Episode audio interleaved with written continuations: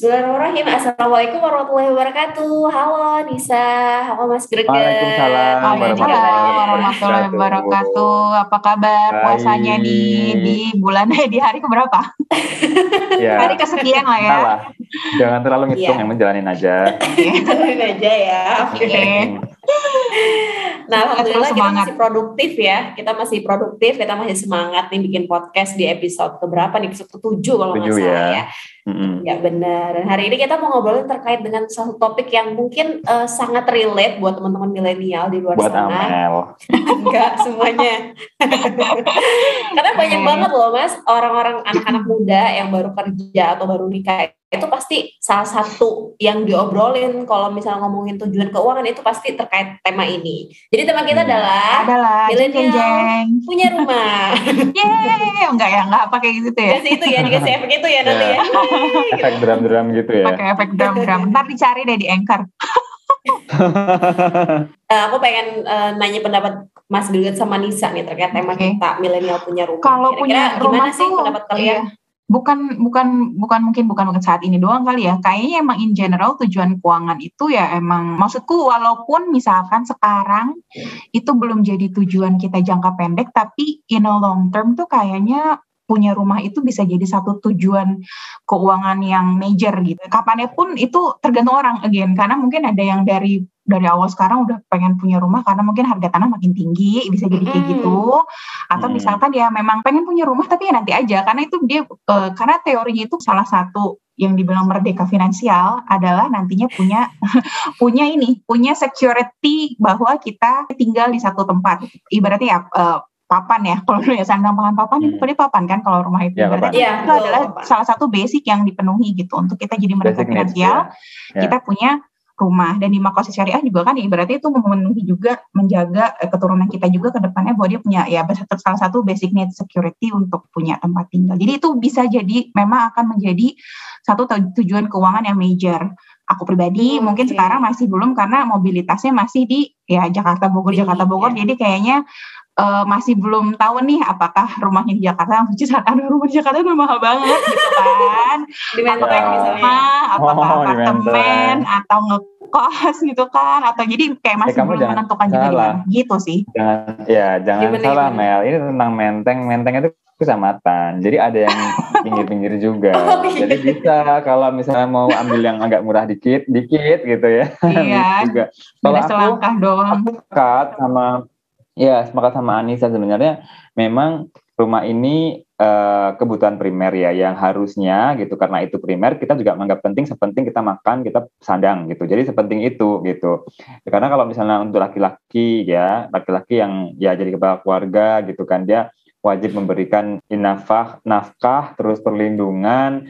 Sehingga Hmm. kalau dia nanti meninggal gitu ya ayah ibunya atau ayahnya meninggal anak-anak tuh dalam tidak dalam kehidupan hina tidak dalam kehidupan yang Hmm. memberatkan orang lain gitu cuman masalahnya sekarang adalah gimana caranya beli rumah apalagi di Jakarta selain tanahnya emang terbatas Mahal ya. uangnya juga nggak ada gitu Iya, tanah Tapi mahal, kalau- uang terbatas ya Allah. Iya, pilihannya kan cuma tinggal KPR Hmm. atau belinya nanti, nah nabung dulu Hmm. gitu. Nah, denger-denger bisik-bisik nih Anissa, Cie. ada yang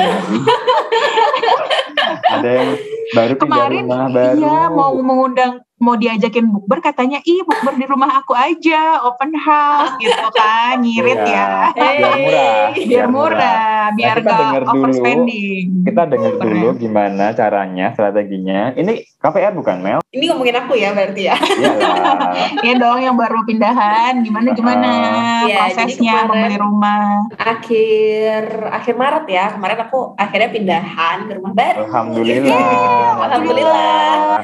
Ya. Alhamdulillah. Ya, jadi kalau nanyain eh, prosesnya, jadi aku nggak KPR, jadi tipenya itu masya Allah cash, lanjutkan cash, cash bertahap. Oke, aku ngerti. Cash bertahap yang kayak tiga tahun doang gitu kan ya? Hmm, jadi ada jangka waktunya yang emang dikasih sama developer. Jadi Mhm. misalnya nih pas awal kita udah oke, udah deal nih kita mau eh, yang rumah ini. Jadi dia rumahnya kan belum dibangun tuh awalnya pas kita ngedeal. Jadi kayak masih Hmm. tanah kayak gitu kan. Nah ini ini juga konsepnya syariah gitu. Nah nanti mungkin kita bahas lain kali ya terkait dengan apa namanya KPR KPR nggak KPR syariah tapi nggak lewat bank syariah kayak gitu. Jadi banyak kan Ah. yang beberapa Oh, oke. hari yang lalu yang bodong. ada berita bodong Iya, gitu kan, iya, dengan iya, developer iya. syariah bawa Iya. syariah segala macam Itu dibahas nanti ya di episode episode Iya. berikutnya ya.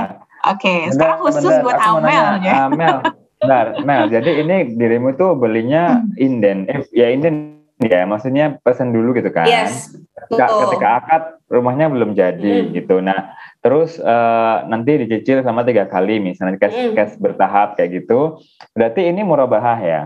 Iya Murabahah murabahah itu jual beli Jual dengan beli. margin keuntungan. Hmm. Lewat bank nggak? enggak enggak lewat bank langsung lewat developernya Berarti di Hmm. developernya dia ngerti nggak pakai akad murabahah gitu. Eh, Developer Islami, halalan iya, bagi develop- bank. Oh, Oke. developer Ya. Islami Ada DPS-nya, jalan gitu. jadi jadi gini jadi gini jadi memang kan be- bener ya inden jadi kan dia belum belum jadi gitu pas masih tanah itu si developer itu tuh udah punya gambarnya gitu nanti rumahnya tuh kayak gini loh seharga let's say misalnya nggak usah nyebut harga ya miliar Eh. gitu ya. Misalnya. Sekian gitu. Sekian. Tambahannya berapa persen udah gitu aja sekian Mel. ratus Oke. juta gitu ya Oh. sekian ratus kayaknya ini nggak cocok deh kalau aku bilang murabahah apa ya yang Istisna apa? satunya istisna, Istisna. kayaknya ya Istisna, ya, istisna ya istisna. Karena karena, masih oh, contract iya. construction. Iya benar. Iya, Kalau dibikin itu dulu. kan dia kan jadi. ngambil margin dan segala macam. Udah itu biasanya kayak dari banknya gitu Di kan. akadmu nggak tertulis gitu ya? Kayak misalnya ini akadnya apa gitu? Untuk Enggak, enggak ada. Jadi kayak ya udah antara aku sama si developernya langsung kayak jual beli biasa tapi Ini mm-mm. cash bertahap. Gimana? ini sebenarnya lebih enak ya karena eh enggak aku nggak bisa bilang lebih enak ya tapi maksudnya kayak lebih simple karena dia nggak lewat bank gitu kan ininya kan Hmm. gitu Benar. dan karena posisinya Amel nih dia sudah nyiapin duit gitu loh Betul. Hmm. dan, dan Jadi kan ini gimana Jadi aku tuh sebenarnya dari awal nikah, dari awal kerja ya. Jadi aku tuh memang bener-bener ya udah nyiapin buat beli rumahnya itu cash. Maksudnya Hmm. nggak lewat KPR sih. Sebenarnya nggak masalah ya kalau kita mau Hmm. KPR, as long as kita KPR-nya bank syariah kayak gitu. Tapi dari awal tuh kita punya value-nya di keluarga ya udah kita pengennya rumahnya cash kayak gitu ya. Nah jadinya ya udah kita di awal-awal tuh beneran yang kontrak dulu gitu. Hmm. Tujuh tahunan lah kita kontrak di Jakarta. Pusat sih kontrak. Tapi Ya, intinya itu tujuannya untuk memudahkan mobilisasi kan. iya benar benar. Hmm. Tapi intinya ya dengan kontrak itu kita malah bisa eh, nabung banyak gitu untuk beli rumah. Iya. Kadang orang mikir ngapain sih ngontrak ngabis-ngabisin uang, ngapain ngontrak mending langsung nyicil aja. Enggak, kalau kita sesudah membuktikan enggak kayak gitu. Ngontrak tuh Iya. enggak ngabisin uang kayak gitu. Ah ini nih ini perlu di highlight nih Mel. Soalnya eh, aku Iya, potong ya. Soalnya soalnya aku juga mikirnya gitu. Meskipun aku belum keluarga, aku mikirnya gini daripada aku eh, apa namanya kontrak-kontrak atau nyewa-nyewa terus gitu ya atau kos-kos terus, mendingan aku nyicil misalnya apartemen atau rumah Hmm. yang agak di pinggir Jakarta gitu ya. Jadi uang yang aku pakai untuk membayar per bulan ini sewa-sewa ini itu lebih baik aku pakai buat nyicil gitu loh. Jadi lama kelamaan ini jadi milik aku yang aku cicil tadi gitu kan. Kalau misalnya ngontrak sewa kos kan itu berarti ya nggak mungkin jadi milik kita. Kita cuma minjem aja kan. Nah itu Benar. gimana? Itu gimana gitu? Nah itu sebenarnya balik lagi ke apa namanya value masing-masing ya. Bisa jadi benar kayak gitu. Tapi kalau kasusnya aku adalah eh, aku tuh memang ngontrak di Jakarta Pusat itu juga ada niatan lain. Niatan lain misalnya apa? Kayak misalnya kita ngebisnis juga, kita Hmm. punya apa namanya ada edit value yang mau kita kembangin gitu di Jakarta Pusat. Kalau misalnya kita udah dari awal mau nyicil, nggak mungkin kita nyicil bukan nggak mungkin ya sedikit kemungkinan kita bisa nyicil rumah-rumah yang ada di Jakarta atau apalagi di Iya, iya. Jakarta Pusat ya enggak Mm-mm. even nih aku misalnya sekarang udah kekumpul uang itu aku- rumah yang aku kontrakin Jakarta Pusat itu nggak mungkin kebeli juga gitu dengan uang aku gitu Oh, Oke, Iya. Paham oke, nggak oke, maksudnya? oke.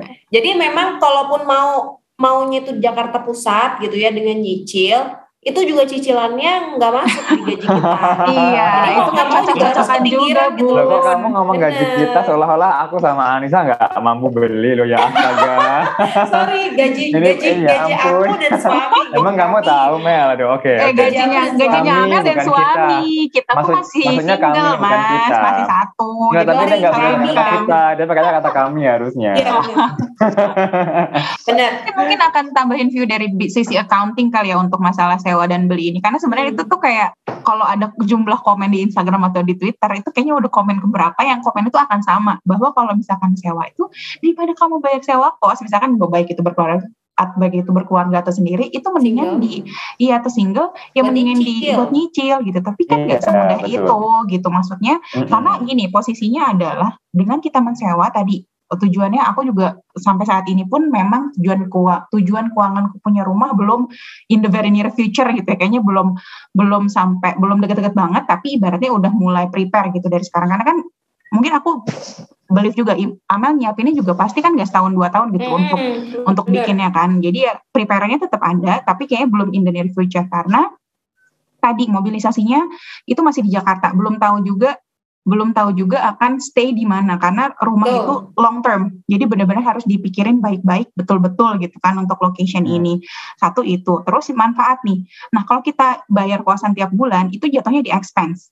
Artinya masuknya ya, ke ya, betul. profit loss gitu kan masuknya oh, ke profit iya, loss okay, okay. dan itu adalah ibaratnya manfaat ibaratnya kamu ngeluarin expense itu karena ada manfaat yang kamu dapat manfaatnya apa tadi hmm. mobilisasinya mudah terus juga ibaratnya hmm. kita nggak perlu maintain aset kosannya atau kalau AC rusak hmm. panggilkan jaga kos.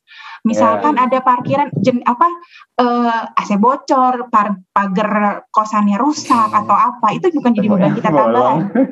iya, atapnya bolong, lemarinya rusak, kasurnya ada apa? kasurnya ada tuh binatang yang di kasur lah minta dibersihin yeah. itu kita bener. tinggal minta ke itu jadi beratnya udah bersih jadi manfaat aja tapi kalau, kalau udah ke rumah nah, kalau misalnya nyicil kalau nyicil hmm? kan dalam proses akuntansinya itu masuk ke aset. Betul, masuk ke aset.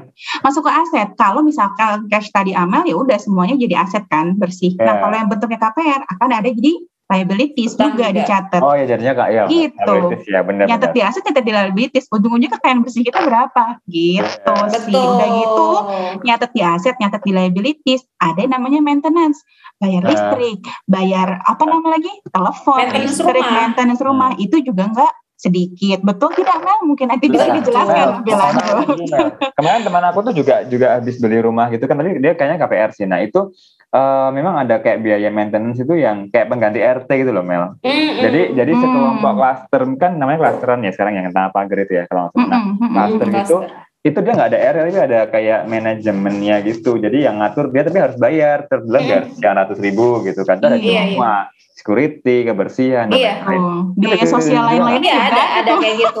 Ah, biaya okay. arisan ibu-ibu kan itu kan. Teman-temanku sih ceritanya kayak gitu. Maksudnya ada tambahan-tambahan biaya lain yang yeah. kelihatan di awal gitu. Nah aku sih eh kok aku saya lagi sebentar sebentar. Nah Mel kalau keluar kan bahasa Jawanya. Nah Mel jadi kalau dirimu itu kan developer. Jadi developer ini mengembangkan ya, hmm. mengembang ya, mengembangkan satu komunitas gitu ya. Iya, jadi dia itu uh, ini sebenarnya developernya tuh udah udah lumayan banyak ya proyeknya. Nah, beberapa kali tuh kita udah survei, berapa kali survei. Jadi kita udah lihat tuh hmm. dia punya di Malang juga hmm. punya klaster perumahan syariah kayak gitu-gitu sih. Hmm. Terus di beberapa tempat juga di Bogor ada gitu. Terus nah ini yang dibikin tuh di Depok aku aku sekarang yang di Depok. Di Depok ini lewat ini enggak sih fintech yang itu, yang fintech kan ya? ini langsung benar-benar literally ke developer dan iya. langsung sama aja gitu. Ini, Kayaknya okay. kakak pemiliknya gitu nih, si jangan-jangan di Bogor yang kaya.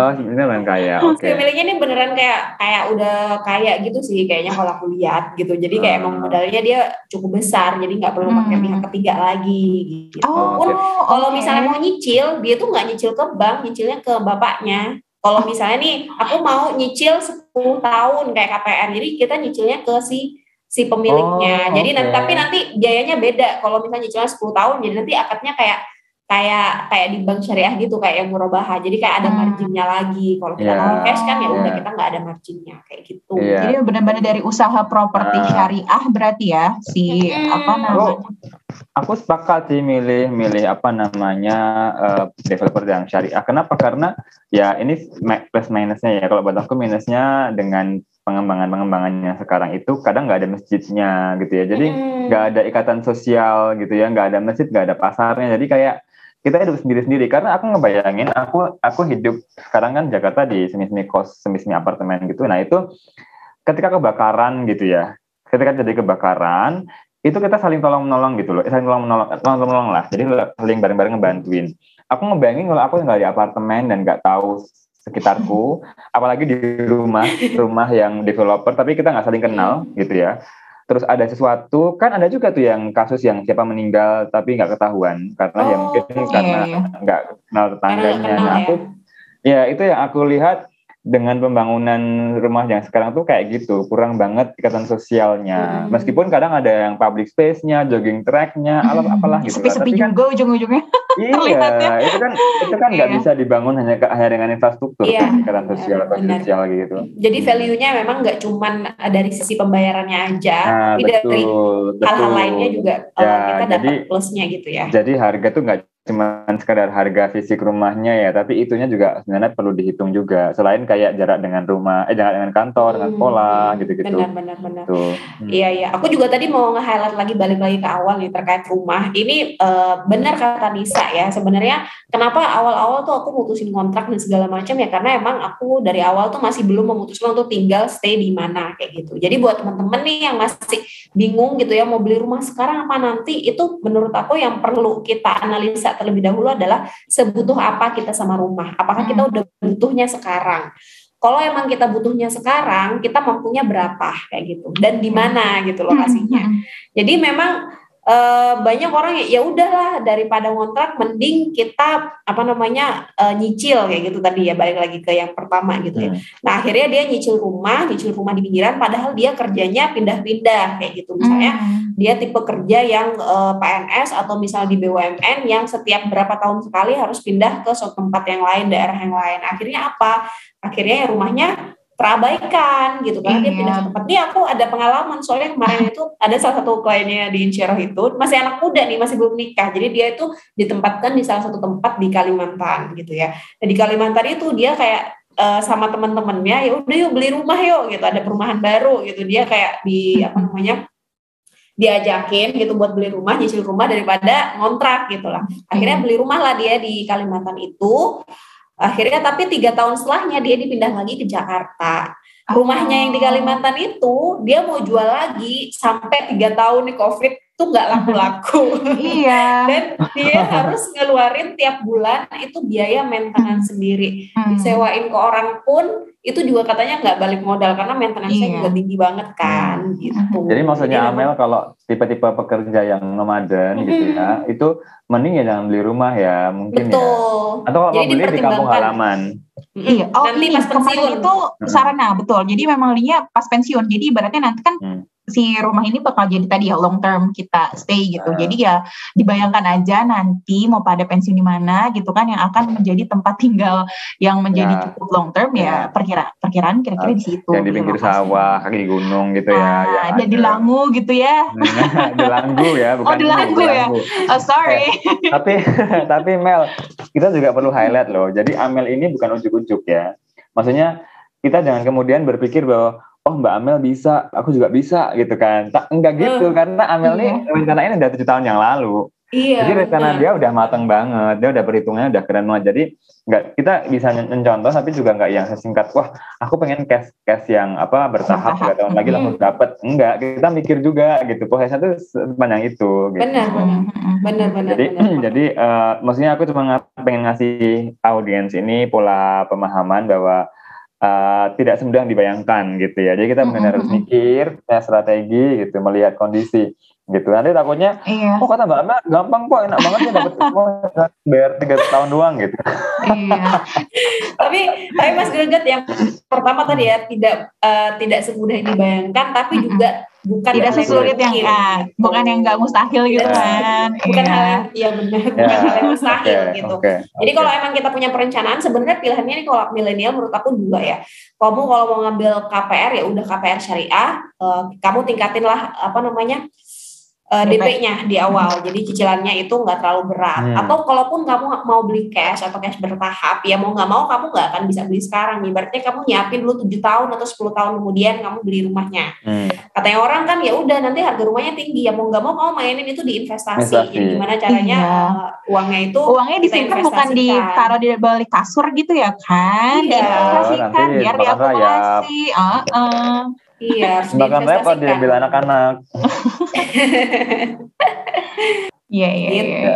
sih. Jadi ya memang sebenarnya bukan hal yang nggak mungkin nih buat teman-teman milenial untuk punya iya. rumah. Ya, aku jadi aku jadi kebakar semangat sih sebenarnya ini jadi wow, alhamdulillah. Harus bisa, harus bisa nih bisa nih gitu. Iya emang harus bisa. Sebenarnya aku pengen nanya satu sih kalau misalkan di uh, kalau KPR syariah itu kan emang ada bank ya. Maksudnya memang ada bank yang ibaratnya menjadi menurutku tuh jadi satu ekosistem yang menjamin resiko kayak tadi kan kan sebenarnya ada yang developer ya Hmm. ada ada developer yang mungkin ya tadi ya mungkin jadi investasi bodong atau apa gitu kan Bodong, jadi iya. Hmm. cuman kalau ada fungsinya bank itu untuk di KPR syariah selain memang ya udahlah akadnya sudah ada juga ya untuk akad akad KPR syariah itu mungkin ada ada murabah atau ijaroh dan sebenarnya fungsi bank itu adalah untuk manajemen resiko untuk memastikan bahwa developer ini akan mendeliver rumah itu ke depannya. Ibaratnya Ya. fungsi bank tuh ada di situ loh di, di resiko ya bukan Oh, iya, bukan berarti ke benar juga. developer syariah itu ya nggak nggak boleh juga gitu. Toh ini juga ada ada kok yang emang berhasil. Nah mungkin boleh di sharing nggak Mel? Gimana sih cara waktu Amel tuh milih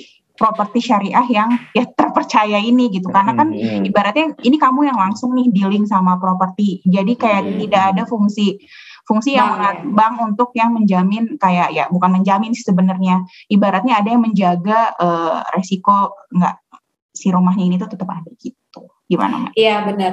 Jadi eh, banyak kan nih eh, developer syariah yang bodong-bodong itu gitu ya. Mm-mm. itu kan sebenarnya marketingnya itu kan apa namanya ya pasti ya eh, tanpa riba gitu ya. Iya. Potongnya itu udah pasti otomatis. Terus lain-lainnya itu biasanya tanpa BI checking gitu kan. Hmm. Nah, itu ada Hmm, orang ya. kan aku tuh eh, nggak setuju sebenarnya sebenarnya BI checking tuh perlu loh perlu untuk melihat Iya. nih si calon nasabahnya sebenarnya dia bagus atau enggak kayak gitu Hmm. kan jadi eh, satu sisi tuh aku nggak su nggak sukanya nggak setujunya terkait developer syariah itu terlalu gembar-gemborin marketingin yang tanpa BI checking gitu gitu seakan-akan kayak siapa pun orang dengan segala macam karakteristik gitu ya misalnya dia sebelumnya punya utang nggak pernah bayar dia bisa aja beli rumah di developer syariah kayak gitu seakan-akan seperti itu Nah, kalau aku sendiri pengalamannya ya tadi ya pertama tuh aku pastikan dia itu proyeknya udah banyak gitu. Maksudnya Hmm. dia udah berpengalaman gitu. Nggak cuman baru sekarang nih dia mau bangun ini, tapi dia benar-benar udah berpengalaman di beberapa proyek-proyeknya yang lama. Oke,